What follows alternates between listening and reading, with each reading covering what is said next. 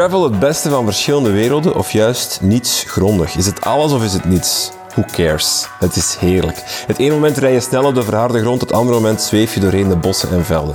Gravel is walhalla, is zoveel ineens. Het is draaien en keren, hobbelen en rochelen, snelheid en genieten. Gravel is life, baby. Welkom bij Gangmaker, een podcast voor en door amateursporters. Mijn naam is Renke van Hoek en naast mij zit Dries Pauwels.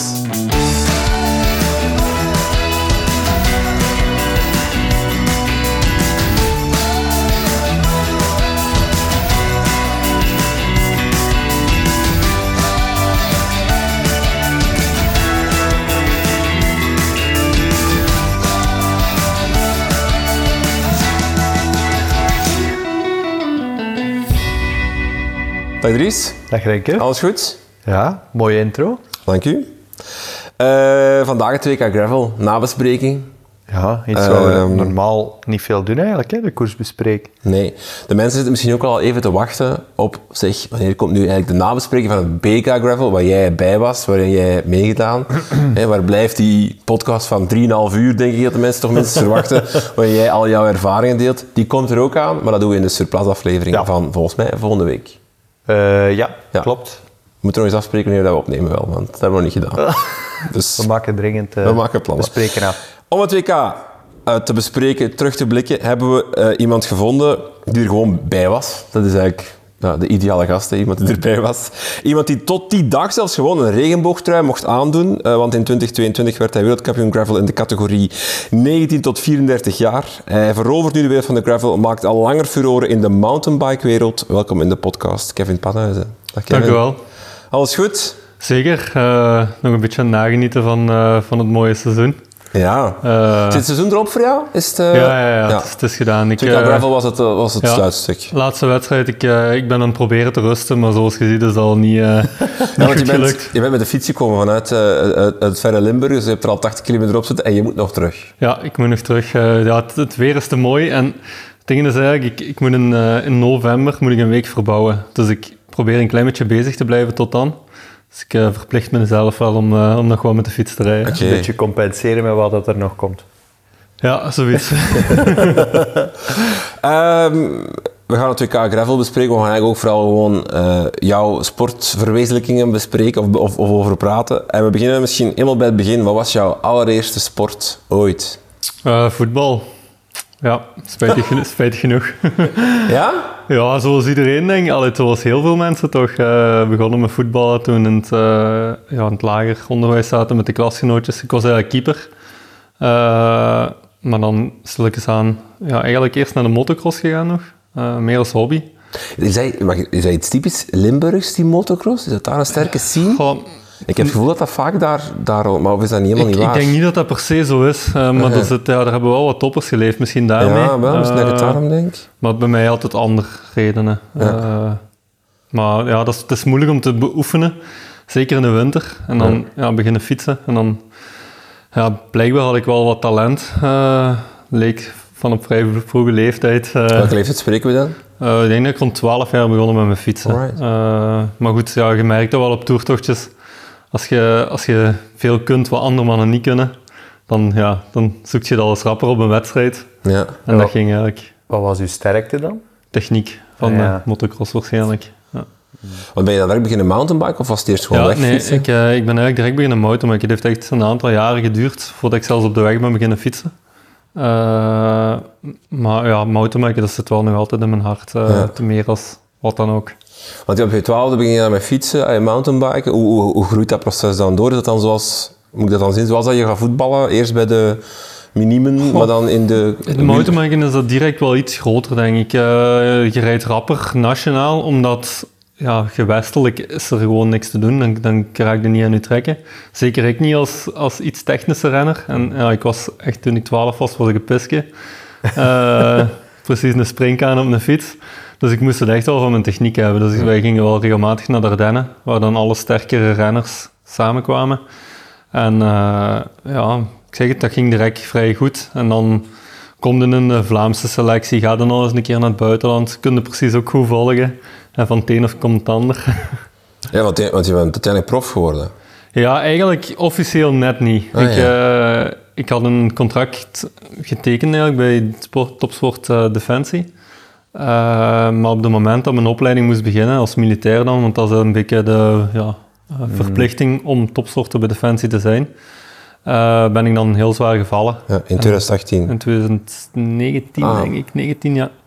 Wikipedia mis. Allee, of ergens. ergens In niet uit. 2018 in de Canadese wedstrijd Ja. in ja.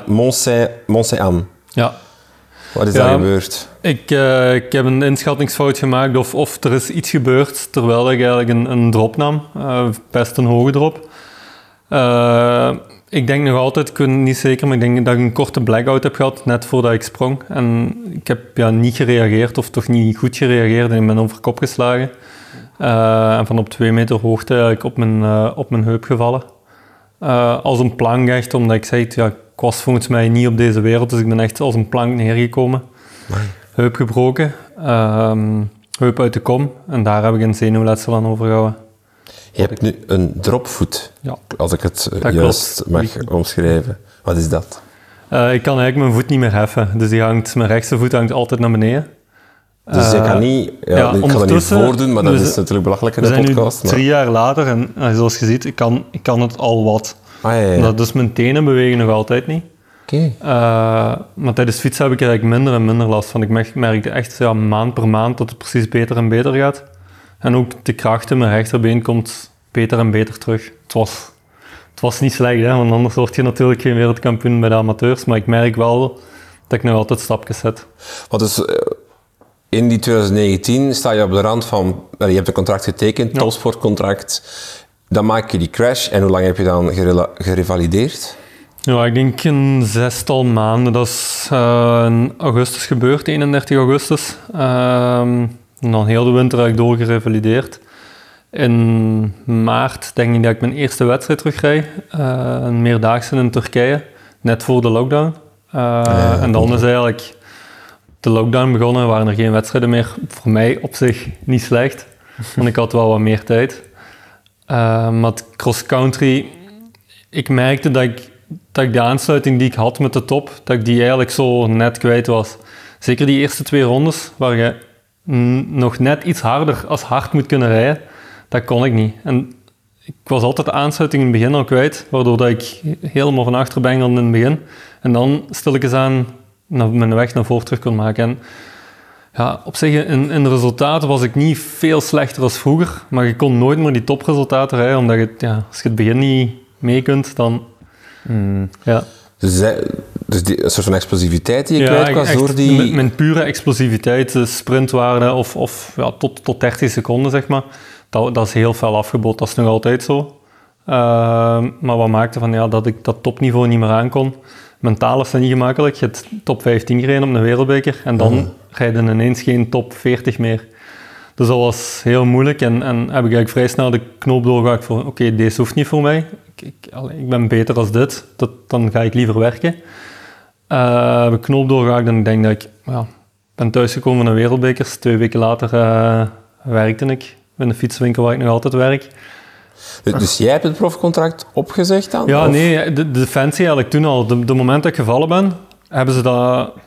Zeiden ze van, ja oké, voor ons hoeft het niet meer. Waarschijnlijk gaat je je niveau nooit meer kunnen halen. En Oh, dat is... eh Ja, dat was- omdat ja, dat Mag je dat was- zo omschrijven? Ik weet niet. ja, Allee.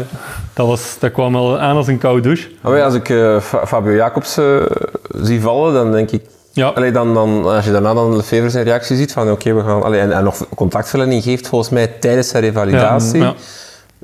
Getuigt toch van meer geloof dan, dan wat. Defensie hier toont. En is dat omdat de plaatsen zo beperkt zijn bij Defensie ook? Of? O- ook al denk ik dat er maar iets van een dertigtal plaatsen zijn. Eh, en, en ook gewoon het feit van, ja, als een militair moet je 100% gezond zijn. Ja. En waarschijnlijk had ik met die dropfoot die opleiding ook niet kunnen, kunnen afronden. Allee, Ja. Want wat ik mij dan afvraag, lopen, is dat, Ja. is dat, dat is eigenlijk niet Dat mogelijk. kan niet meer, nee. nee. Dat is echt... Want ik las dat je bijvoorbeeld voor lange wandelingen brace gebruikt. Ja. Dat dat niet, ga- Nee. niet zomaar gaat. Nee, Ja. klopt. Voor lange wandelen doe ik een brace aan, voor korte gaat dat wel. Soms wel vervelend. Ik heb na het WK nog wel in Venetië rondgelopen. Dat is niet ideaal met een dropvoet, zonder brace, want ik was hem vergeten. Ja, dus gestrompeld dan wel alles. Maar lopen, dat is gewoon ja, uit een boze. Ik kom echt met een platvoet neer en ja, dan... dan Dat is eigenlijk blessure, om blessures voilà. vragen. Dat is, ik heb dat één keer nog geprobeerd, ja, nooit meer. En is, is, is het dan ergens toch een geschenk uit de hemel dat je van zo'n zware val heb je natuurlijk een zware blessure over gehad, Ja. met gevolgen, namelijk niet meer lopen en moeilijk stappen, maar wel nog fietsen. En Ja, dat is uiteindelijk jouw passie wel was. Ik bedoel, Dat dat heel, ook omgekeerd ja. kunnen zijn bij ons spreken, dat je nooit meer kon fietsen omdat, omdat, en dat, dat je wel nog kon stappen of zo. Klopt, ik Allee. ben er super blij mee. En allee, ik zeg het, ik ben er ook niet kwaad omdat dat gebeurd is. Dat zijn dingen, ja, het is jammer. Ik had waarschijnlijk wel een aantal jaren een mooie carrière kunnen opbouwen. Maar ja, anderzijds, ik heb ondertussen superveel andere chique dingen gedaan die ik sowieso niet gedaan had als ik prof geweest was. Dus, allee, medaille heeft altijd twee kanten. Hè? En eh, ik ben blij dat ik de, de, de slechte kant heb mogen ervaren om, om alles te kunnen ervaren. Ja. Maar anderzijds had ik ook wel willen weten waar ik had kunnen komen. Zeker als ik mijn concurrenten van toen nu zie. Ja, die rijden toch top 10, dichte aansluiting met het podium. Dus ja, dat is ook wel iets wat ik ook had gekund en dat is wel een beetje zuur. Ja. Wie waren uw concurrenten toen? Of Eh, degene die vaak... eh, bij- Jens en Pierre, Jens Schuurmans Ja. en Pierre de Froidmont. Die, ja, ja, Pierre heeft één keer podium gereden eh, en Jens een aantal keer dichtbij. Ja. Dus, dus- ja. Ja. zeker nu, nu dat die mannen het zo goed doen, kriebelt dat wel een beetje. Maar ja, Ja. Er zit ook een krachtverschil nog op je benen, ja, of niet ja, meer? Ja, dus ja, een, een 5% ongeveer. En eh, hoe, hoe, hoe- eh, voel je dat tijdens het fietsen? Van, van, Niet echt. Ja. Je ziet dat vooral achteraf in je waarde. ja, Maar je- ja, ik ben er nu zo gewoon dat... ja, ja. Is dat, is dat een probleem dat bij, bij bijvoorbeeld Chris Froome ook iets is dat, dat nog steeds aanwezig is? Die heeft daar ook lang mee gesukkeld, hè? Met, allee, ook uh, Dat weet ik eerlijk heup gezegd niet. gebroken en ik weet dat die dat evenwicht ook heel lang heeft moeten zoeken. Ja, dat zou wel kunnen. Ja, die, ja, die heeft een bekken denk ik gebroken. Ja. Ja, Ik, Ja. ik weet nog dat er beelden waren dat hij zo met één been op zijn rollen zat en dat hij met één been aan het trappen was. Omdat Ja, ja, ja. dat, Ja, ja. maar ik omdat weet dat dat nog er, niet kon, of omdat hij dat één been moest trainen. Omdat Ja, dan ja, net, sterker maken. ja, het is verschrikkelijk moeilijk, hè, want wielrennen vraagt om een evenwicht tussen de twee benen eigenlijk. Allee, Ja, of- maar je, je leert jezelf wel een bepaalde techniek aan waardoor dat, dat gaat. Ik zeg, het, ja, in het begin was dat heel erg. Hè. De eerste keer dat ik op de fiets zat, dan, ik weet niet, als ik toen een sprintje deed, ja, dan, dan schoot mijn voedsel soms naar voren en dan, dan ja, lag ik er bijna aan. Maar je leert ja, een bepaalde houding aanhouden waardoor dat, dat zo goed mogelijk gaat. Want sprinten bijvoorbeeld op zich Ja. is eigenlijk moeilijk voor Ik u. ben nooit een sprinter geweest, maar nu zeker niet meer. Dat, eh, Want eh, je zei- net vroeg het al, wat voor type renner ben je? Je zei technisch, maar, maar, maar voor als we dan een beetje Ja. vertalen naar bijvoorbeeld, ben jij klimmer meer dan, dan dat je... Ik ben een redelijke klimmer, maar ik kan gewoon heel hard, of heel lang hard stoempen.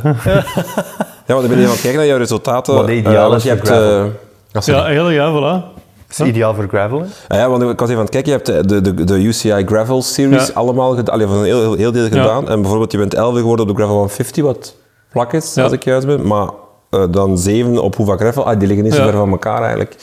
Dus inderdaad, beide terreinen liggen jou wel aan. Ik, ja, ik zeg, het kan gewoon heel lang hard trappen. En eh te steile klimmen, like op 2K, daar moet ik zo wel een beetje eh, ja, onderdoen voor de rest, omdat ik niet de kleinste ben en ook niet de Nee. lichtste. Maar ja, doordat ik hard kan duwen, kan ik de schade wel beperken. Is het, is het opkomen van de gravel scene voor u iets heel dankbaar geweest? Goh, ik ben eigenlijk tijdens mijn revalidatie begonnen met gravel. In het ziekenhuisbed ben ik zo fietsgehuis, eh, fietsje beginnen samenstellen. Eh, en vanaf dat ik kon, heb ik dat dan gemonteerd en, en zo ben ik beginnen gravelen. En ja, doordat als, als mountainbiker traint je heel veel uren op de weg en ja, dat is best saai. Dus dat was echt ja, cool om, om dat off-road te kunnen doen, maar toch aan een mindere intensiteit als, als te gaan mountainbiken. Wacht, ik ga dat... Als mountainbiker train je heel veel uren op de weg. Ja. Waarom? Om de basis te vergroten. Gewoon je duurtraining. Duurtraining, ja. Omdat als je dat in, in, in, op een mountainbikeparcours doet, dan ben je altijd Dan zet je eigenlijk intervals aan het ja. doen. Eh, na elke bocht optrekken, een klein heuveltje, dat is al een interval. Dus ja, je doet wel... Ah, heel- ja, oké. ik denk 70, 80 procent van je training doet je op de weg. Dat is inderdaad wel een, een mindshift dat je moet hebben dan als mountainbiker. Dat je het ook... Allee, dat je het liefste wat je dan doet waarschijnlijk, mountainbike, eigenlijk 80% van de tijd niet kunt doen. Dat is ook waar dat de transitie tussen bijvoorbeeld de cyclocross-renners en de wegrenners, waar dat die transitie zo makkelijk maakt. Hè? Ja, Dat er heel veel gewoon al het duurvermogen hebben van een goede wegwielrenner, waardoor dat ze makkelijk kunnen Ja.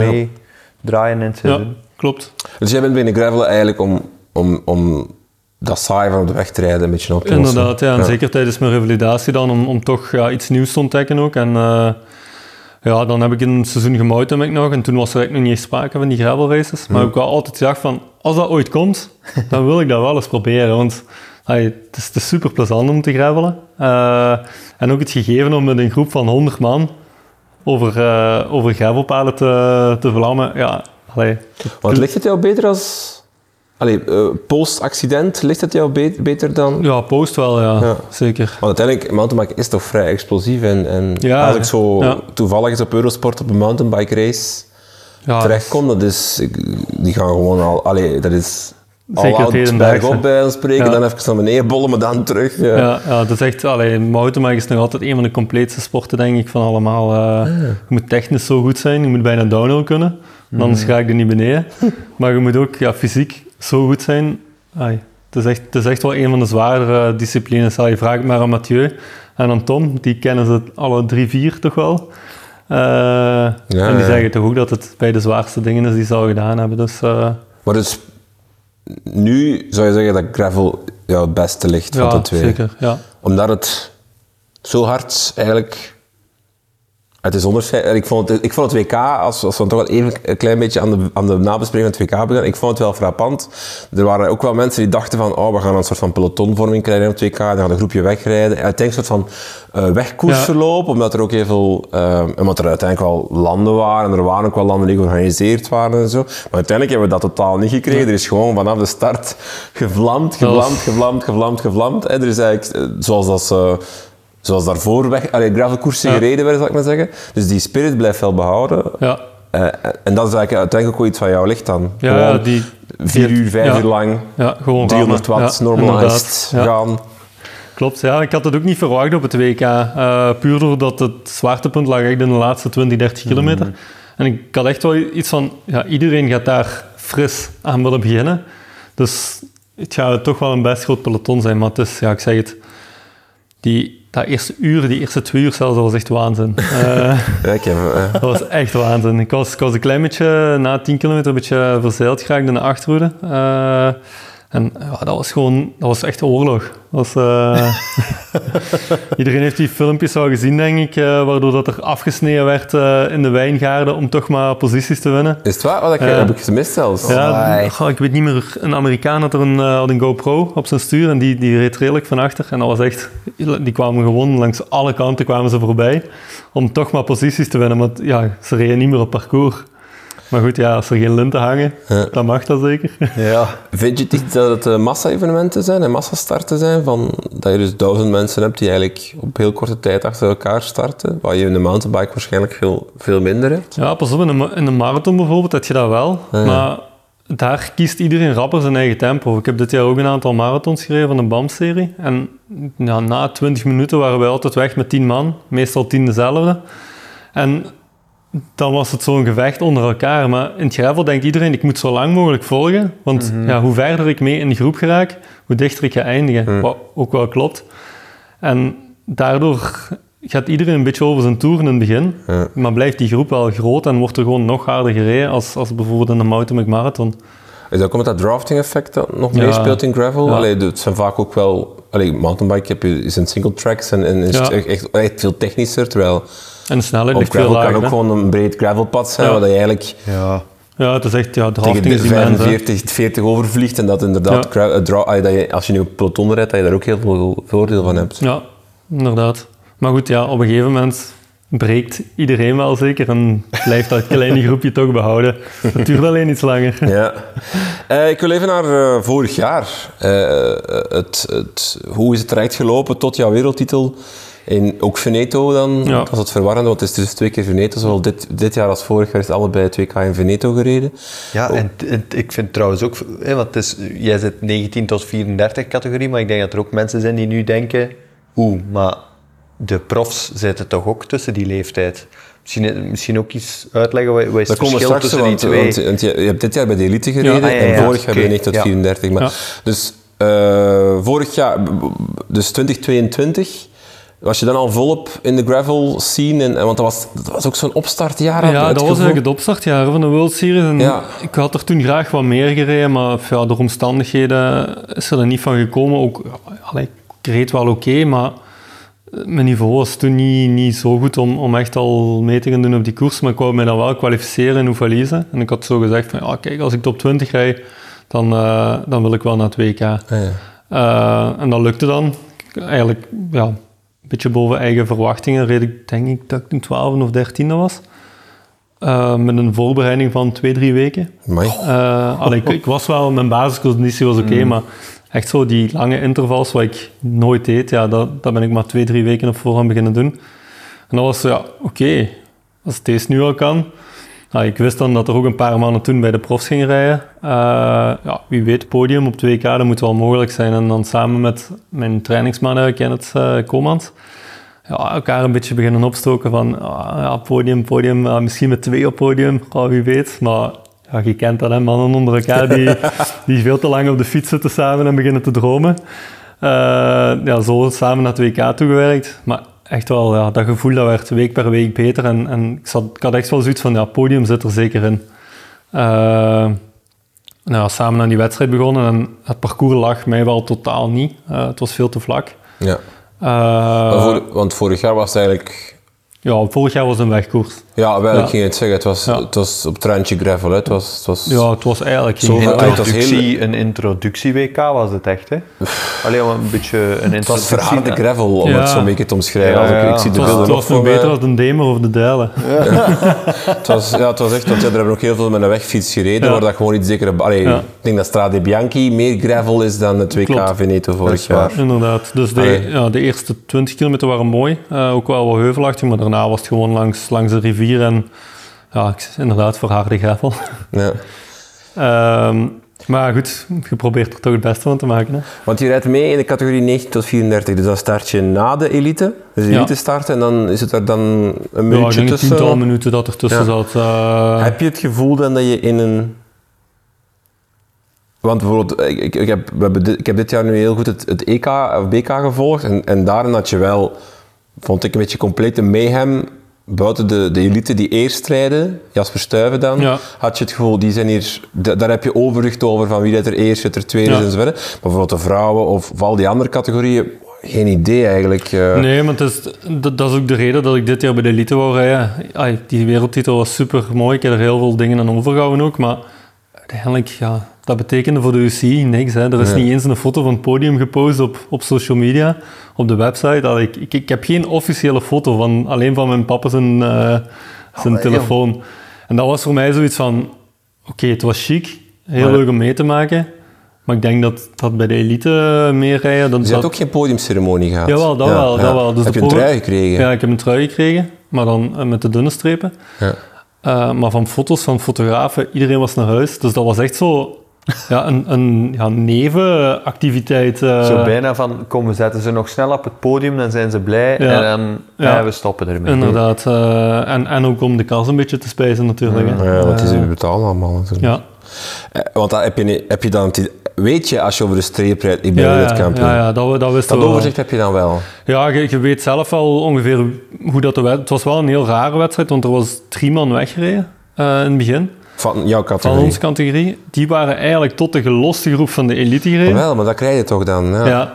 En, je wedstrijdvervalsing bijna. Hè? Allee, is het, dat, dat is het gevaarlijk. Dat, dat was de kritiek dit jaar in Leuven bijvoorbeeld wel ook. Hè?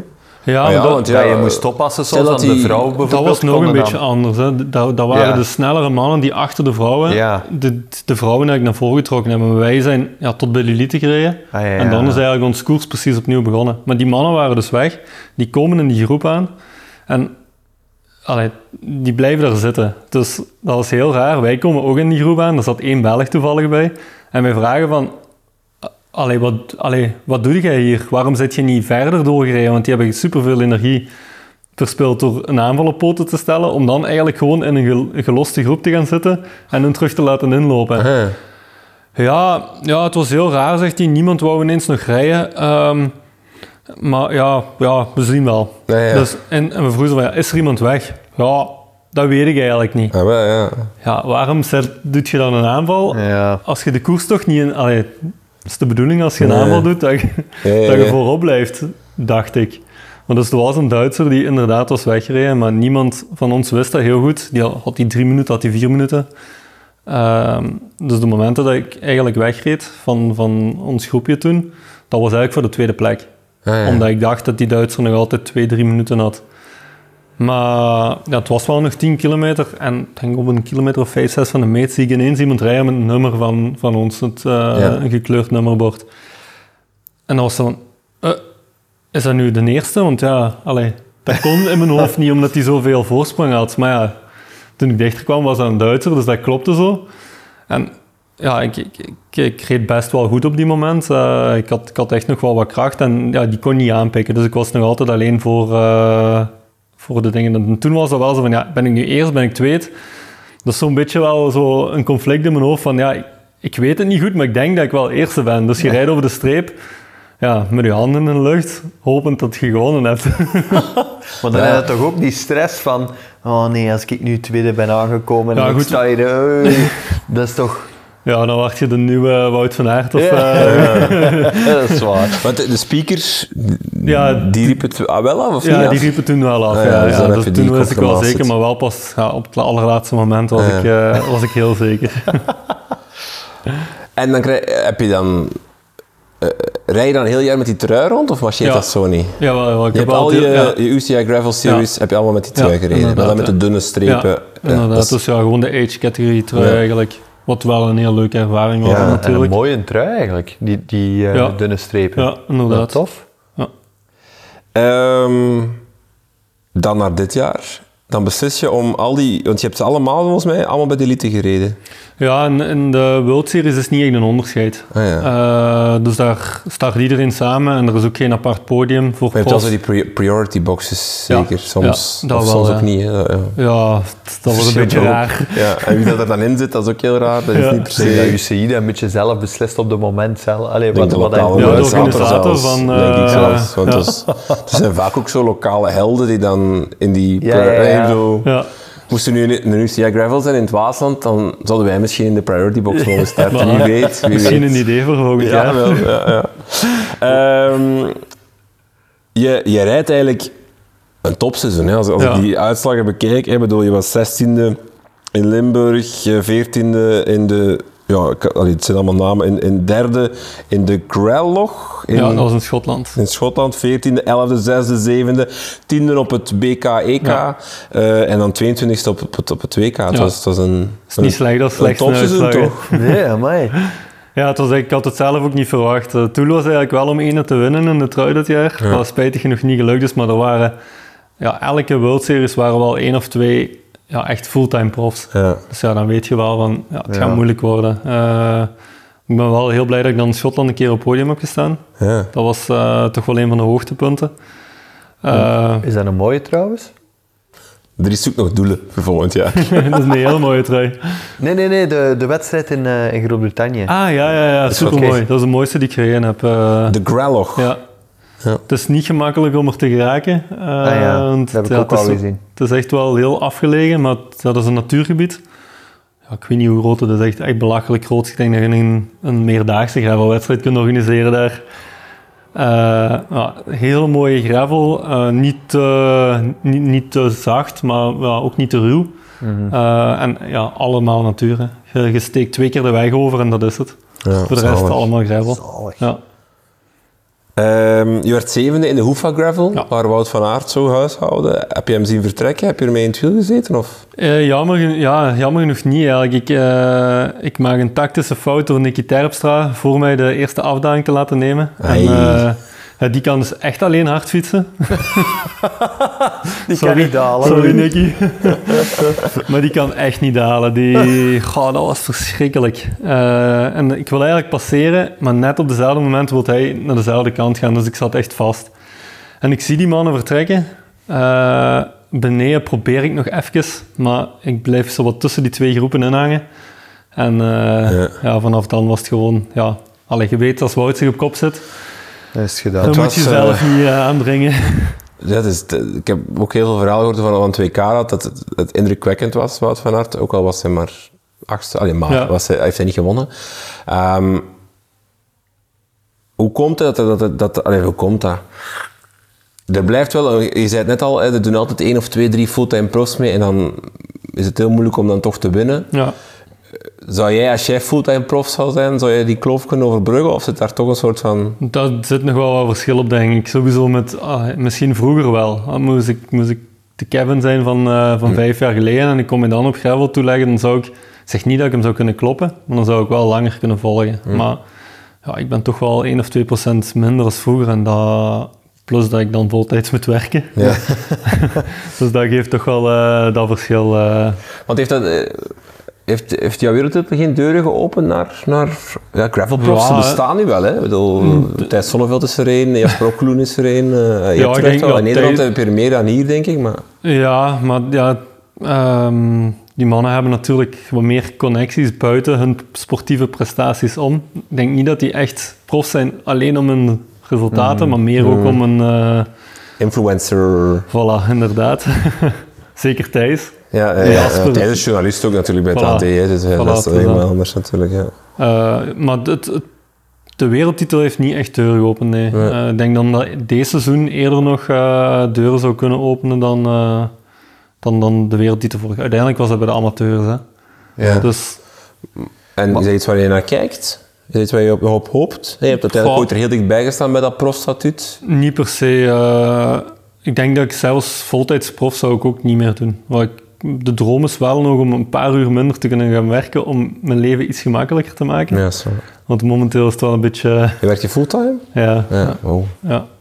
Dus ja, het is echt werken, Dus van, eten, van 9 to trainen. 5 bij wijze van spreken in de fietsenwinkel? Of Ja, ik als- werk ehm, eigenlijk van half negen tot zes, waardoor dat ik eigenlijk op donderdag voormiddag ook vrij ben. Ah, ja. Eh, Ja, ja. Dus die donderdag heb ik echt wel nodig om, om ja, een beetje deftig te kunnen trainen. Maar wat maakt natuurlijk wel dat de rest van de dagen super lang zijn. Hè?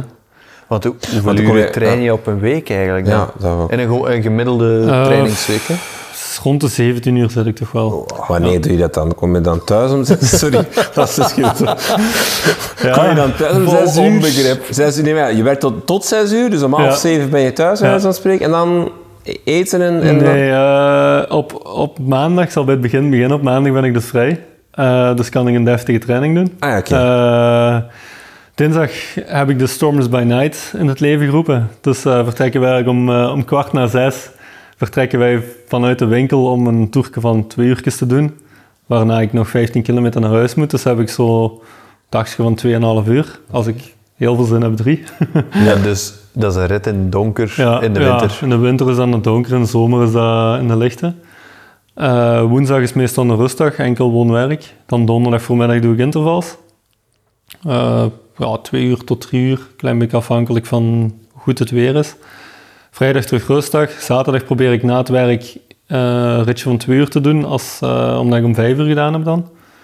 En dan zondag is het ofwel koers ofwel, ofwel terug trainen. Ja. Dus eh, Zijn toch allemaal peanuts, dat is toch... Misschien moeten we ook starten. Wat was de naam? Ja, ik vond Stormers by Night. Stormers by Night. Ja. We vertrekken op, maar bij ons is dat om 20 voor 4 op school. Dat is nog niet by Dat is wel night. heel belachelijk. Er moet wel al diepe winter zijn om dan nog de night te hebben. Moeten we nog zo wat blijven wachten op onze deur? Ja, zo. zo een uurtje staan. Eerste koffieke, hè? Maar de koffie is echt niet goed bij ons. Nee, nee. Ja. Ehm, het WK Gravel. Of misschien eerst even, want eigenlijk, eh, we zijn begonnen met de sportgeschiedenis en eigenlijk heb ik twee vragen niet gesteld, die ik altijd stel ook, is wat was je mooiste dag op de fiets en je zwaarste dag op de fiets? Oei. ehm goh, de mooiste. Ik denk toch wel mijn vijftiende plek in Val di Sole eh, op de Wereldbeker. Dat was echt het moment dat ik voelde van oké, ik, ik heb die aansluiting. Ik heb toen, denk tot de laatste twee rondes voor, voor, eh, voor top 8 meegestreden. En kan je Eh, even context geven, welk jaar zitten we? Zitten we pre-crash, Ja, dat was, post-crash? eh, ik denk dat dat een maand voor de crash was. Eh, dat was een van de laatste wereldbekers voor het WK. Dus, eh, We spreken mountainbike ook, hè, want ja, ja, klinkt ook veldrij. Ja, maar Ja, dat is ook een veldrijden er- inderdaad. Pitcock heeft er vorig jaar Ja. gewonnen, hè? Oh ja, dus daarmee dat ik het even kader voor Ja, de, dat, is de die, eh, dat is die Italiaanse veldritcross die... eh, In de sneeuw maar- gereden wordt. Ja, die altijd in de sneeuw Ja. gereden wordt. Maar wij doen dat in de zomer. Ja, voilà. Slimmer. Eh, daar rij je vijftiende, dat Ja. is je mooiste dag. En om, omdat puur prestatie, prestatie was daar sterk, of, of is dat ook Ja, gewoon een heel, schoon cross, heel schoon wedstrijd? Sowieso een heel schoon wedstrijd, maar gewoon het, het feit dat je voelt van... Allee, ik kan het. Ik, ik heb echt aan Qatar een aantal top 20 plaatsen gereden. Maar ook zo meer vanuit omdat mijn startpositie nog niet top was toen, vanuit de achtergrond zo meer naar voren. Maar toen heb ik, zeg het, echt voor die top 8 plek meegestreden. En dan eh, op het einde wel een beetje plek moeten toelaten. Maar goed, ik was toen 26 op die moment. Dus ja, dan heb je nog een aantal jaar progressiemarge en dan ja, gewoon het gevoel van, Toen wist je van, als ik dit kan blijven doortrekken, dan kan ik voilà. prof voilà. worden in het mountainbike en kan Voilà. ik top 10 gaan Ja. rijden in de wereldbeker. Ja, en dan, ziet het er goed uit. Ja. Ja.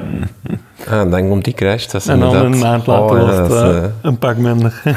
Ja, het zwaarste dag op de fiets is misschien een belachelijke vraag, maar misschien is, het- is het dan die crash of is dan... Goh. Ik doe meer mijn zwaarste dag, de dag dat je dat het meest hebt afgezien. Dat kan ook iets romantisch hebben of zo. Hè? zo van, Ja, ik denk toch eerder een, eh, een bikepacking trip dan of zo. Ja, waar, waar het echt zo... Like vorig jaar hebben we de, de Grally nog gereden. Ja, ik denk een maand voor het WK. Eh, een beetje als duurtraining gestart, maar dan ja, eens dat je toch een nummer op hebt. ja, wa- Klopt. welke rit? De Grally, ehm, een, een meerdaagse. Allee, je mocht kiezen hoeveel dagen dat je erover doet, maar van, ik denk 700 kilometer was het toen. En Offroad. Offroad, ja. Mountainbike of Nee, gravel. gravel? De, de Grally. Grally, ja. eh, Goeie naam wel. Het eerste jaar was dat Grally 100 en ik denk dat vorig jaar gewoon Grally was. Eh, Ga je, eens- ga je eens googlen. ja. En dat was je zwaarste dag. Ja, de, de eerste dag zijn we dan een klein beetje voor de tour gegaan. Eh, ook weer met Kenneth. Kenneth heeft altijd heel goede ideeën op de fiets. Ehm, ik denk dat we toen 12 uur gefietst hebben. En om, ik denk twee uur s'nachts komen we op een slaapplek aan. We hadden toen wel binnen overnachting gereden. Normaal, normaal is het in de tent. Zo slim was hij toch wel. en dan de dag erna terug vertrokken en, en we komen een bouillon aan. En, en ja, het, het ging, voor hem ging het echt niet meer. Ik zat op de limiet en ik had niet meer heel veel plezier erin. Maar Kenneth zat echt op de limiet en, en ja, toch nog doorgaan. En, ja, ik ben nog niet veel gestopt met iets, maar toen hebben we iemand moeten bellen om ons te komen halen. Ja. Ja, ons Ah, plan was te ambitieus. We Ja. wouden dat op drie dagen doen en ja, je moet op schema blijven voor het op drie dagen te kunnen doen. En, ja, als, je, als je over de tour gaat, dan... eh, Vind je, is dat ook een wereld waar je graag in vertoeft? In zo die, want je hebt zoveel van die bikepack-wedstrijden die Ja, eigenlijk ook die weer wedstrijden zijn. En zo, zo further en van die dingen die waar je ook zelf moet, je weg moet vinden. Waar dat je ook veel, dat je ook over heel zotte paden moet gaan. Dat je vaak te voet ook heel stukken moet doen. ik vind het super vet, maar ik denk niet dat het voor mij is weggelegd. Waarom niet? Omdat, Ja, ik, ik, ik kan mentaal niet... eh, Ik kan mentaal heel diep gaan en, en echt mijn eigen tot het uiterste drijven, maar die, die duur... Ik, ik heb zoiets van 12 uur op de fiets, waarom? Ja, Dus- dat ken ik, dat gevoel. Dat is, ik kan me niet inbeelden dat iemand dat echt plezant vindt. Ah, Wel, het is, ik, het is, ik heb de, de Rift gereden in IJsland Ah, en ik heb daar 12 uur over gedaan, want Ja. ik rijd iets trager dan jou. Eh, en ik heb nu een beetje... Ik vond dat een machtige ervaring en ik ben er super trots op. Maar op één dat dag? gedaan. Ja, Stel je 200 voor dat je de volgende dag dat nog eens moeten doen. Hè. nog eens Eh, 12 uur op de fiets moet zitten. maar ik heb nu wel zoiets van... Ik weet niet of ik daar nog eens mentaal aan kan. Een beetje zo lang, zo lang te twa- fietsen. ay, 12 uur lang op dat zadel, dat is echt... Ja. Dus ik heb gedacht, ik moet sneller leren fietsen. Want Anders kan ik echt geen wedstrijden of dingen niet meer rijden. Maar goed. Heb jij een coach trouwens? ja. Oké, dus Ja. er is niks aan trainingen dat, je- dat je zelf moet... Nee, ik, eh, ik, ik werk ik samen met iemand die, die vroeger mijn trainer was en waar ik een heel goede band mee heb. En, en hem heb ik dan, denk ik, vorig jaar denk ik, terug gecontacteerd. Ja. Dat ik eerst, na mijn val deed ik het zelf wel een beetje, maar ik merkte wel, ik heb iemand nodig die mij richtlijnen geeft. En eh, dat gaat eigenlijk heel goed. Die schrijft iets voor voor een week en ik mag dan de duur maar ik zelf een beetje inplannen hoe ik me voel. Want ja, echt, ja, je kunt niet, als het slecht weer is, ja, kunt je niet op die dag doen wat, wat je zou moeten doen. Hè. Je moet Nee. een klein beetje flexibel zijn. Hè. Zeker. Eh, het WK Gravel. Yes. Hoe was het? Ja, waanzin. Echt, echt waanzin. Ja, like ik zeg, die eerste twee uur was echt oorlog. Was er een groot verschil in beleving en in gevoel op voorhand tussen WK 1 en WK 2? Gewoon niet per se eigenlijk. Het, was, het, was, het evenement was twee keer eh, heel gelijkaardig. Het was heel groot, toch wel. Eén wist ik wel echt van, ja oké, ik ga meedoen voor een podiumplek. Uh, allee, hoopte ik op voorhand. Vorig jaar. Ja. Ja, vorig jaar. Dus dat was wel... Het, het er naartoe leven was een klein beetje anders. Ehm, het twee was wel van, ja oké, we, we zien wel waar we komen. Ik, ik ben geen prof. Ja, er, is- er staan zeker 30 profs aan de start. Ik vind het Dus- wel een zotte beslissing. Ja, ik, Toch? Hoe bedoel je? Om, om Bij de profs je mee te kan doen. winnen Ja, ja, ja. en toch zeg je, ik ga voor de hard way, de, de, misschien ook wel de real, allee, of zo, van ik wil, ik wil bij het echte, Ja. allee, je moet, ja. Ja, dat wat ik zeg. Ik, ik, ik heb dat vorig jaar gemerkt, hoe weinig het eigenlijk betekent om bij Ja. de amateurs te rijden. En ook, ik heb vroeger zo dicht bij die profs aangeleund, of ik heb eigenlijk ja, het op het niveau gereden, dat ik zoiets heb van, ja, allee, dat is het. Dat is de wedstrijd waar je, waar je Ja, wilt presteren. En je wilt niet bij de amateurs... De, allee, ik wil niet bij de amateurs de beste zijn, als ik misschien bij de profs ja, echt wel een goede subtopper kan zijn. En Je is het ook beleving dan, omdat je dan als je met die elite start, dan zit je ook echt in de wedstrijd, je voelt de demara- je ziet de demarrage gebeuren, je moet reageren, je moet, terwijl, Ik maak wel liever koers dan dat ik de koers moet ondergaan. Dus want dat doe je toch altijd als je in de ve- 19 tot 34 zit, Ja. want dan rij je achter de koers ja, en je ondergaat wat er eigenlijk dan nog gebeurt. Je- ja, nee, je moet echt wel koers maken om, om, om op je plek uit te komen daar. Omdat je bent bij de betere, dus je moet echt wel... Maar ja, ja, als je dan op het wiel gaat rijden, dan, dan gebeurt er niks meer. Zeker niet na vorig jaar. Ja. Maar ik, had vorig jaar het gevoel dat ik, dat ik echt wel de beste in koers was.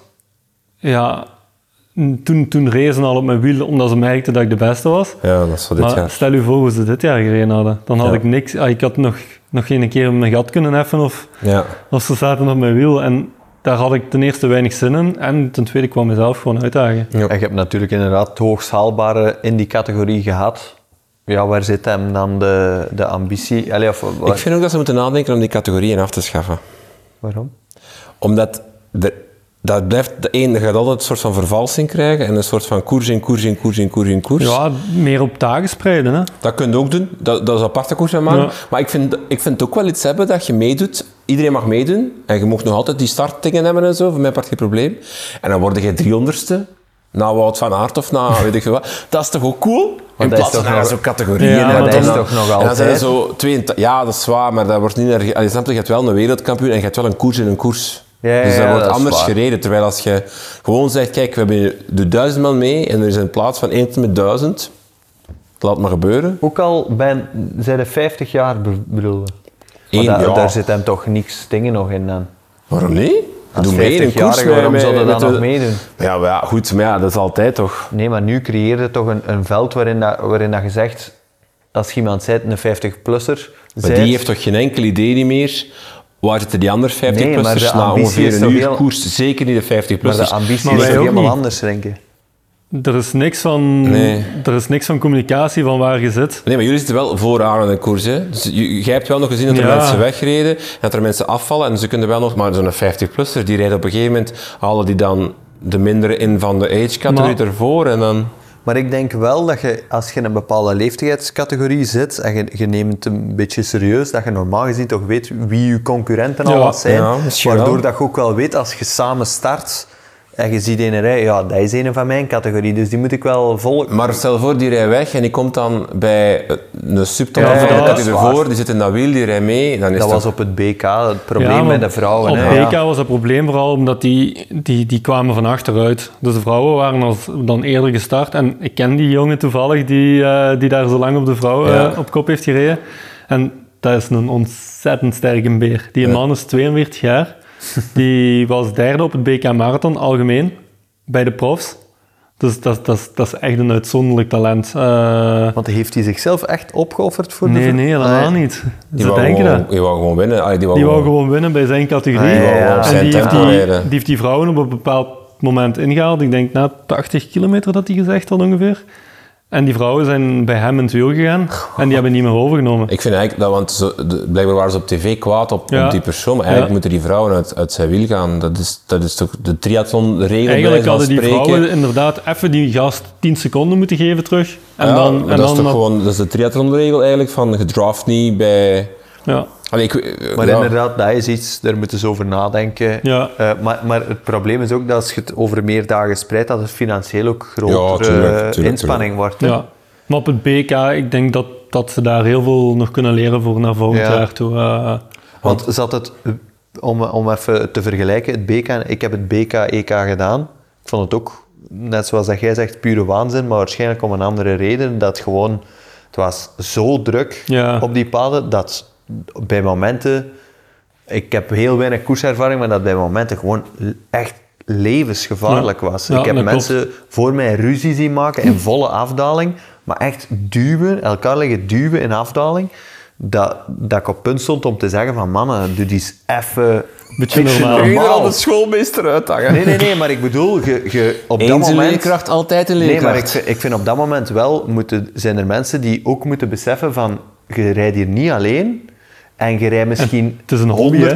Ja, is, ik heb... Het is een hobby, hè? Ah, wel, Ja. En je rijdt misschien honderdste van de, van de 500 in je categorie, doe een beetje normaal en brengt de rest niet in gevaar. Ik bedoel, Ik heb, dat eh, je in die de ligt te discussiëren op de weg, aan de zijkant, voor mij daar aan toe, hè, interesseert mij geen bal. Maar dat, dat is echt gevaarlijk. Ja. Hoor. Ik bedoel, Ja. Ik heb in de bevoorrading gestaan hè, voor jou. Ah, ja, ja. En dat is, dat is ook echt beelden. Waanzin. Dat is, allee, vooral ook omdat...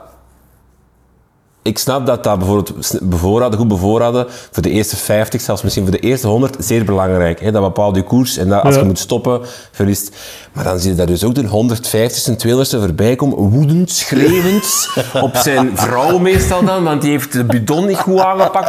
Of die wil, en dan denk ik, man, stop nou gewoon even, pak die bidon rustig aan, geef je vrouw een kus voor, vaarwel en rij rustig door. Het maakt toch geen fuck niet meer uit voor jou, of dat je niet... maar ik had, ook wel, ik had ook een discussie met mijn vrouw op tijd. Ja, maar dat is Dat echt is zo heel grappig. raar. Ik vind dat... Maar vanaf dat je iemand een nummer opgeeft, Ja, dat, het dat wordt een heel andere. Ja, ja, ja. Maar de vergelijking, was, dat, was het even waanzin in Ja, Italië? op een of- andere manier wel. In Italië was het echt waanzin door, door de koers zelf en door het, de, de grootte van het peloton, wat er een beetje bij hoort. Maar in BK was het gewoon door inderdaad te veel volk op de kleine paden. Eh, En dan het feit dat er nog eens gedubbelde tussen zaten, omdat het rondjes waren. Ja, dat was, eh, dat was echt ja, niet goed, vond ik. Want Ja. het WK waren ook rondjes toch? Of, of was het één? Ja, maar nee. veel groter. Hè. Er waren Ja, eigenlijk maar, dat was- twee lussen. Hè. Dat was een aanlooplus, dan een kleine lus van 50 kilometer en dan nog een lus van, eh, ik denk, eh 70 kilometer of zoiets. Waardoor dat je eigenlijk nooit eh trager of sneller op, op hetzelfde punt kreeg. Dus Want als ik de fout is op BK gemaakt hebben, Ja. is door de elite een extra lust laten doen op de korte, ja, Ja. ja. Waardoor dat je sowieso alle tragere inhaalt. Ja, dat, ja, is- het is dat. Dat is trouwens ook dat iets... ze niet mogen doen. Nee, en dan gaan ze... Want volgend jaar is het WK eigenlijk in dezelfde regio, maar ik heb al eh, gelezen en gehoord dat ze het echt ook aanpassen en dat de start en de finish ook op een andere Ja. plaats is. Ja? Dus Start de, lus zal- Halle. de lussen zullen niet meer zo klein zijn dan dat ze nu zijn, denk ik. Dat is wel jammer dat Ja. start en finish apart zijn. Ja. Ik denk dat de, de start is dan een Halle, dan rijden ze naar Oud-Heverlee toe. En dan, zijn het wel, dan is het wel, denk ik, nog gewoon één keer klein lus, één keer grote lus. Ja. Ik dacht dat zoiets ging zijn. En, want eh, wat ik op dit moment gelezen heb, is dat de aankomst misschien ook niet in Oud-Heverlee gaat Ah, zijn, maar in het centrum Leuven. Maar dat zijn zo... dat is... eh, allee, dat is eh, ik heb gel- ben ik niet 100% zeker. Maar dat, dat, ik, Ja, eh, dat kan toch niet, dat start en finish op een aparte plaats zijn? Ja, dat was het WK ook, hè. maar dat is in lijnen, in lijnkoersen. Ja, maar Dat voor al die mensen level. die daar zijn, dat, dat, dan moeten die allemaal, de, allee, gaan die allemaal naar huis fietsen, naar Alla Ah, ja. terug. Maar ja, dat op zich niet. Maar de meeste mensen hebben denk ik wel iemand bij die... Maar die gaat dan de verplaatsing met een auto. Dus je gaat 1600 mensen, gaan er dan nog eens tijdens dat WK de auto verplaatsing laten maken tussen Halle en Leuven. Dat dat wordt gewoon ochtendspits op zondag. Dat komt nooit niet goed. In. België, in België komt dat nooit niet goed. En het leuke is dan... Dat is over de Brusselse ring waarschijnlijk. Ja, dat wordt echt plezant. En het toffe is dan, net zoals, Nee. vorig, net zoals dit jaar in, eh in Oud-Heverlee, dat dan waarschijnlijk ook de halve marathon van Brussel is op dat moment. dus dan moet iedereen door de Nee, ring. dat komt nooit heel niet goed. tof. Het is wel een week later volgend jaar, hè. Ah, ja, ja. Dat komt nooit niet goed. Nee, nee, maar we hoor zullen het wel nog bekijken, maar dat is Ja. wat ik op dit moment gelezen had. Maar dus, eh, dus bij jullie was het ook start en aankomst op een verschillende plaats. Ja. Vorig jaar ook, trouwens. Ah, ja. Maakt het dat logistiek moeilijk? Oh, ja, zou ik Op denken. zich valt dat, ja, allee, ik, ik heb altijd niemand bij, dus ik kan Ja. er moeilijk over meespreken voor iemand die, die niet echt voor de prijzen meedoet en misschien daar op zijn eentje is. Maar ja, goed, dat is ook een beetje een, een avontuur. Je slaapt op de aankomstplek, je rijdt 's morgens op je gemak naar de start als opwarming. Ja, ja, ja. Allee, daar zijn wel oplossingen voor. Hè. Maar goed, Hallen en Oud-Heverlee ligt nu wel. Want dat was ook wel het voordeel nu aan die bevoorrading. En misschien ook dat het daarom zo massaal was, omdat dat aan de start was ook de bevoorrading, omdat je die lussen had. Ja, Moest niemand zich verplaatsen, Ja. iedereen kon eigenlijk heel gemakkelijk... maar dat maakte het ook heel druk natuurlijk. Ja. Maar we zijn eigenlijk te veel over het BK Ja, bezig, hè, want dat komt Het nog. eh, WK. WK. Ja, Eh, de start, dat is all-out. Alles, hartslag 170 Nee, of, ik vond het eigenlijk wel meevallen. Ja. Ik verschoot ervan, want er was een startklim van een 200 meter en eh, Ja, ik dacht, ze gaan er like gekken naar boven vliegen, maar dat was, dat was eigenlijk niet het geval. Het begon pas daarna. Want dat, dat vind ik wel altijd zo bij die gravel. Dat was op BK ook wel. Er wordt heel hard gekoerst in het begin. Terwijl het is een lange koers. Het is geen veldrit of zo van, van een uurtje. Het is echt... Maar bij het BK was het dan start, 200 meter later, smal padje. Ja. En nu was het eigenlijk een lus van 6 kilometer, heel breed langs een meer. Dus iedereen had wel zoiets van... Ja, ik, allee, kan, kan ook niet als er 200 man aan de start staat. Ja, je kunt niet over iemand gaan. Hè? Dus je moet wel een beetje... Zo Ja. slim waren ze gelukkig wel. Is dat Eh, iets wat ze, waar ze rekening mee moeten houden? Want dat was inderdaad een groot probleem bij het BK en het EK. Dat is eigenlijk een single, ongeveer een single-track-achtig padje was. Ja. Na, Oh, na, dat zag toch iedereen na aankomen 600 op voorhand meter en al, dat daar dus iedereen dat dat stil miserie stond. was. En dat daar eigenlijk al verschillen gemaakt Ja. werden.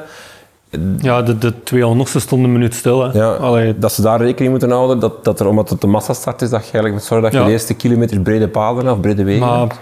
ja, in België is dat wel moeilijk zoiets. Hè. Dat is anders dan als in Italië, waar alles veel uitgestrekter is. Dus ja, ze kunnen soms ook gewoon niet anders. Eh, De River bijvoorbeeld begon met 15 kilometer over asfalt. ja. Is dat iets waar... dat- ja, zo was de BK eigenlijk ook, maar dan, dat- ja, dat is ook merde. Want op de BK, sorry. Ehm, de, de, de, de eerste 10 kilometer was echt een wegkoers. Was echt, eh, dat was eh, precies like in het voorjaar naar de, naar de Paterberg. Iedereen treintjes opstellen. Ik zat eigenlijk op het juiste moment van voor, maar er kwam links een golf. En op het moment dat moest, zat ik in Ah, niemands ja. land. Eh, maar dan, het feit was, daarna werd het gravel, werd er nog wel, werd het zwaar genoeg, dus kon, kun je op het gemak terug naar voren, al op het gemak, Ja. kon je terug vooraan geraken als je sterk genoeg waart. Maar wat is goed, ja, een startklim leggen hoe verlies. ja. Maar ja, goed, dat heb je in, in Leuven niet, hè. Nee, plus dat je dan ook weer de niet-klimmers er weer af Hoe was het in Hoefalize? Gewoon direct bergop. Zij Ja, omhoog. ja. Ah, ja, Ja, ja. Oeh. dus- En dan, kom, dan komen de sterker eh, komen, komen vooraan eh, boven en, en dan heb je dat probleem niet zo. Tenzij Nicky Terpstra vooraan zit.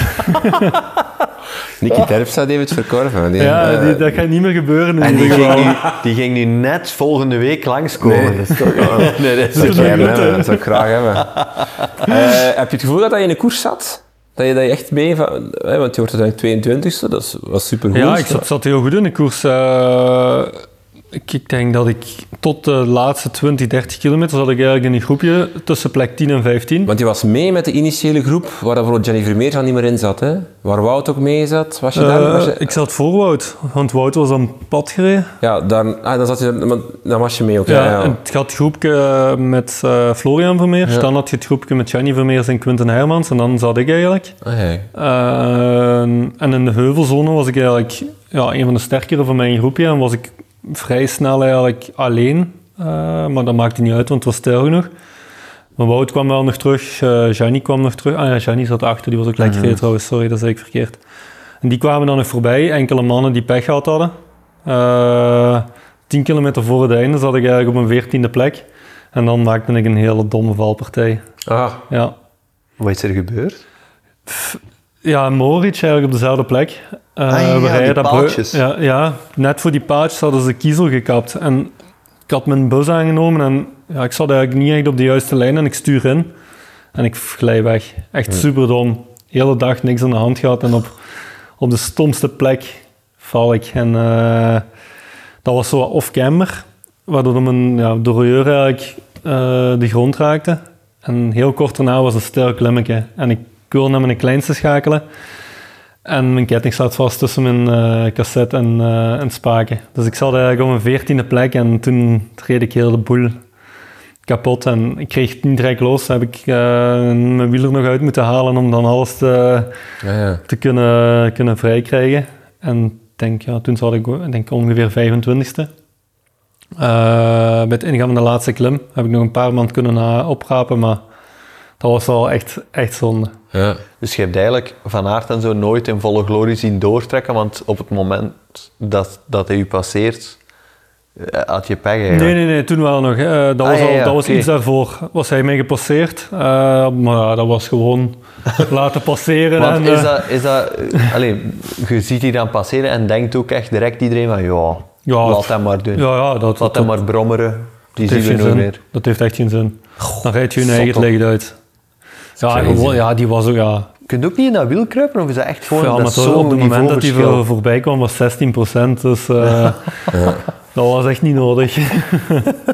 Maar jij hebt dan wel bijvoorbeeld zo'n John, Gianni Vermeer en zo, die rijden dan wel af berg, bergop. Nee, nee, nee, Ah, ook oké. niet. Nee, nee, die kwam ook voorbij. Die heb ik wel nog heel even kunnen volgen, maar uiteindelijk heb ik die ook laten gaan, omdat ja, je rijdt gewoon je eigen tempo. En, allee, je- dat is een ander niveau, hè. daar moet ik gewoon eerlijk in zijn. Eh, dat zijn, dat zijn Ja. bij de betere profs, die rijden in het voorjaar uit die top 10. Dus ja, je moet die plek ook kennen. Hè. Ja, maar pas op, je rijdt toch 22e? Ik denk dat, allee, dat is... Dat is ik denk Ja, echt, eh, maar goed, die mannen waren plat gereden, dus die hadden wel wat achterstand. Ehm, dus ja, je laat die gewoon passeren en je zit, ja, ik zat nog altijd, denk 12 of 13 op die moment. Dus ja, ik, ik had zoiets van, als ik op 20 rijd, dan heb ik, heb ik een dikke koers gereden. Dus Zeker, hè, Eh, de 22e beste gravel. ja, Je, renner van de wereld. ja, Toch? Je, je eindigt net na Bakelands. Ja, inderdaad, ja. Ook een stuk met samengereden dan? Of? nee, eigenlijk nooit gezien. Eh, die zat in het groepje achter mij. ook die geen met die, grote, Bakelands Nee. is mij dan voorbij gekomen op het moment dat ik mijn ketting aan het... eh, Ah, ja. Dat is aan aan het- stoppen. Ja. En ik heb hem nog zien rijden, ik heb hem nog zien wandelen de laatste klim, maar ik kwam er niet meer bij. Je hebt hem zien wandelen. Ja, dat was zo stijl. Dat was echt... Is het eh, waar? Ja, ja, ja. De, de laatste 200 meter van de laatste klim, dat was, Ik heb niets dat was, gezien. dat was echt tw- 20 procent. Het enige wat ik gezien heb is de afdaling van... eh, Moritz. Ja, dus de, de- een van de finale afdalingen, Ja. die echt, waaruit de Moritz inderdaad super tot naar beneden Ja. ging. Eh, er was ook wel was er wat kritiek op, op die afdaling, dat het zo op het randje was van te doen of niet te doen. Maar- Goh, maar het is een beetje dezelfde kritiek die Hoofa Gravel ook krijgt. Hè. De, ik, ik, hoor- Ja, ik, ik was gisteren naar de veldrijd aan het kijken. En tussen de vrouwen en de mannen eh, was er dan, is er dan zo'n blok reclame, want dat duurt wel even. En dan is het zo, blijkbaar is er een, op eh Pick Sports is er een, een, een rubriek die heet Jan Onverhard of zoiets. En dat is volgens Ja. Jan Bakeland zijn avonturen. En het ging toen over de Hoofa Gravel. En hij zei toen van, ah, het is wel echt op het parcours van een gravel, het is bijna mountainbike. Wat is gravel? Ja, wel, maar ik wou even, hoe, hoe kijk jij ernaar? Want, ik, ik, ik vind dat gravel een, een heel breed begrip is. Lijkt inderdaad de gravel in Veenhuizen, waar, waar we rondrijden met een gemiddelde van denk 37 dat we hadden.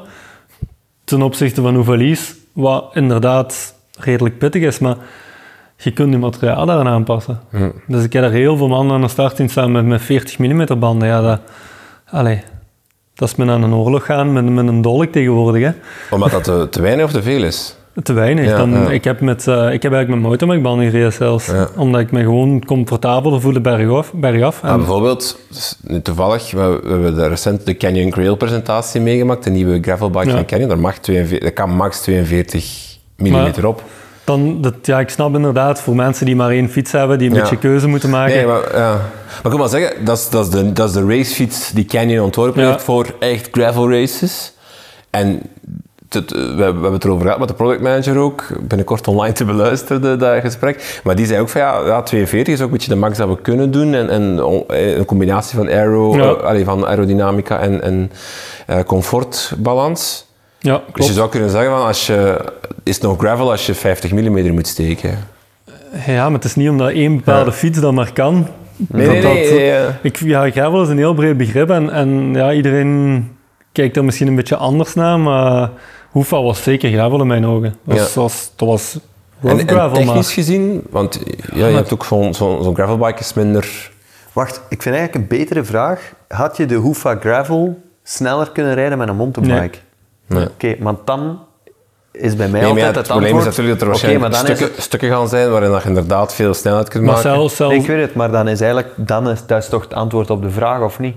Dan is, dan is het nog altijd een gravelparcours. Wat, wat op het WK bijvoorbeeld een beetje het probleem was, vond ik, dat was 95% supersnel, 38 mm, 35 mm zelfs. Ja. Maar dan die laatste afdaling, ja, daar kon je eigenlijk een 45 of zelfs een 50 gebruiken. Ja, ja, ja. En, maar goed, dan is het ook weer aan je eigen van, ofwel neem ik risico in de laatste afdaling met mijn smalle banden, ofwel kies ik voor minder of meer rolweerstand de rest van de dag. Maar dat is toch het risico Maar- dat dan iedereen neemt? Gewoon denkt, we zien wel op het einde. Voilà. Maar is dan het risico... allee, is dan, is- zou dan niet eerder de kritiek terecht zijn van ja, oké, maar dan is op het einde wel het risico op lekrijden enorm groot. Maar dat heb je Eh. zelf in de handen. Ja. Het ding is natuurlijk ook, maar dat is eigenlijk altijd, de veldrit in Bering was blijkbaar ook te gevaarlijk En dan denk ik ook altijd van, mijn jongens, je bent wel aan het veld rijden, het mag toch ook niet een... Dus dat- Dat te gevaarlijk. Dat weet ik niet, maar dat was toch Ja, algemeen kritiek. Want er- blijkbaar is dat ook het wel BK. gevallen, het is blijkbaar ook het BK gaat ook in daar Ja. zijn of zoiets. En, en dat was al van, het moet Ah ja, je veranderen. bedoelt, je bedoelt die schuine afdaling Ja. waar dat er heel veel gevallen... Ja. Allee, zo, dat, dat is toch dat altijd bij offroad is er toch een soort van grijze Ja. zone tussen wat dat iemand...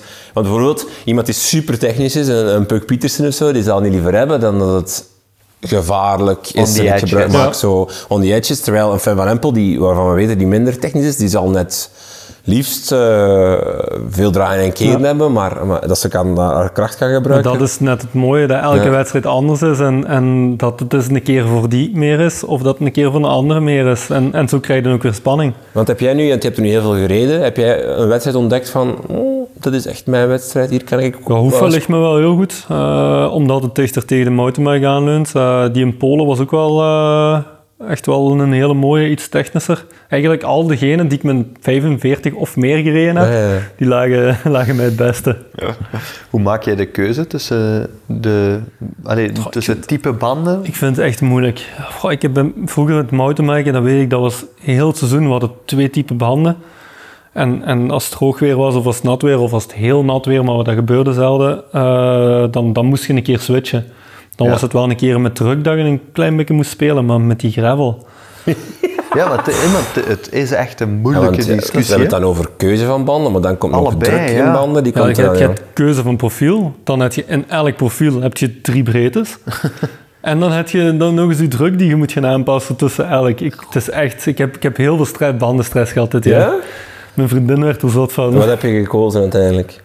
Eh, ja, echt eh, elke wedstrijd is anders, denk ik. Maar voor het WK bijvoorbeeld? Voor de week heb ik met een, eh een, een 35er die als 38 op de velg lag. Dat is een real-time gemeten. Oh, wacht. Sorry. We zijn, wij zijn eh, redelijke nieuwelingen in. eh. Dus wacht, je pakt een 35 mm band. Ja, dus, elke band heeft zijn breedte die, die aangegeven staat op de, vel, op, op de band zelf. Maar nagelang hoe breed uw velg is of hoe smal uw velg is, kan dat verschillen in, Ah, ja, op de schuifmaat. Dus als je dan met de schuif gaat, gaat nameten, Ja, dan valt die ofwel breder ofwel smaller. oké. ah ja, Dus ik heb er eigenlijk voor gekozen om een 35 op, op een best een brede velg te leggen, waardoor dat die als 38... eh, Ja, ja, ja, ja, ja. Eh, Hoe, eh, ver- in hoeverre is het een voordeel dat jij... Want ik heb bijvoorbeeld Greg van Avermaat heel neig zien sukkelen op het BK Gravel toen hij zijn fiets had. Wout heeft ook aangegeven van ja, ik moest daar op een gegeven moment dat ik pech en, en het heeft heel lang geduurd voordat dat gelukt is. Jij bent fietsenmaker, ik neem aan vlot in al die dingen. In koers is het wel niet gemakkelijk om, eh, om de juiste beslissingen en de juiste handelingen te doen. Dus je hebt, je hebt ja, geen tijd, je hebt superveel stress. Eh, dus het is echt wel moeilijk om, om problemen heel snel op te lossen. Plug jij niet sneller dan de gemiddelde... Ja, ik denk dat zelfs velen er dat niet bij hebben. Ja. Dat sommige mannen dat gewoon niet kennen. Eh, maar ook dat weer, dus, ja, was de juiste keuze op die moment. Pluggen of doorrijden? Pluggen of een bommetje steken Ja. of een binnenband. Dus is, je, moet heel snel een beslissing nemen. En het is, eh, maar goed, Greg zijn beslissing snapte niemand, denk ik. Ik weet niet wat Die wou zijn wieler uithalen, maar die had geen binnenband bij. Nee, het was heel Dat raar. was een heel raar eh, beeld. ja, Ja, Heb je- het heb je een, gesukkel met die eh, naaf was echt... eh, die zijn steekas was losgekomen of zoiets. ja, die was kapot. Allee, of die schroefdraad was... eh, Ja, ik, ik, ik weet het niet Ja, goed. het wou niet meer. Eh, ik vroeg mij gewoon nog af, dat is eigenlijk een keer een persoonlijke vraag. Wat, wat voor band heb je gekozen op het BK? Dezelfde als op de WK. Ja, ook de 35 op de, de brede velg. En hoe zwaar was uw profiel? Want ik heb er gezien met bijna een wegprofiel. Ja, de, de, de Schwalbe One RS was het. Ah, ja, ja. Dus eigenlijk wel de Dat we straks eens om Nee, te zien we, wat hebben dezelfde rink. Ik had dezelfde. Ja, eh, maar ik heb een andere. Met de ronde nopjes eigenlijk op. Kan dat? Meer zo met die vinnetjes zo. Ah ja, En dan opzij een klein beetje... eh, Ik denk dat jij de A zwaarder. voor hebt. Ah, nee, nee, dat is de, de, het oud profiel nog. Ah. Dat is de... ehm, Doe maar. Dringend nou. Wat heb je een soort van... Maar ik weet, dat is misschien een podcast apart, bandenkeuze, maar, maar is, heb je een soort van tip of leidraad hoe dat jij het bepaalt? Je gaat verkennen en dan zie je... droog weer en stenen zijn, zijn een, een heel... Als het nat is, gaat je sowieso een ander profiel en weinig of geen eh, scherpe stenen. Dus een scherpe stenen gaat je toch een iets zwaarder profiel steken om wat meer bescherming te hebben. Ja. Maar ja, banden, dat is echt... Dat is ook heel persoonlijk. En is het ook niet loterij? Allee, sowieso. Allee, als in van je kan bij spreken de zwaarste profielbanden steken en toch na vijf kilometer lek rijden. en je kan bij spreken... De eerste 20 van het WK, dat was een peloton van, uh, van nog 100 man. Ja, je rijdt gewoon blind, hè. stofwolk, stenen. Uh, die, die vliegen rond je oren. Dus ja, als je één steen verkeerd raakt, dan mag je profiel hebben steken wat je wilt. Dan staat er lek. Dus het is sowieso wel een beetje een loterij. Uh, en technieken. Dus als je iets ziet, dan, dan ja, moet je natuurlijk ook daar niet tegen rijden. Want, dan, want bijvoorbeeld, techniek gaat inderdaad over vlot kunnen sturen en, kunnen... Ja, maar ook op anticiperen. Gaat ook over springen? Ja, van alles. Ja, ja, het is dat.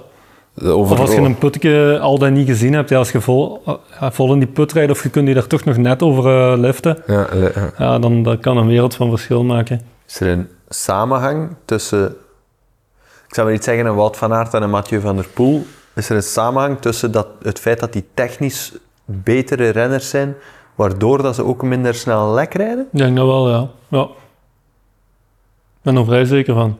Ja. Maar ook in Roubaix maar zie je dan ook daar moet je chance hebben. Dat, maar, maar toch, ik bedoel, dat gaat ook niet... Nee, nee, nee. Maar het is toch opvallend, hè? Van der Poel die heeft heel weinig ja, klopt. problemen, hè?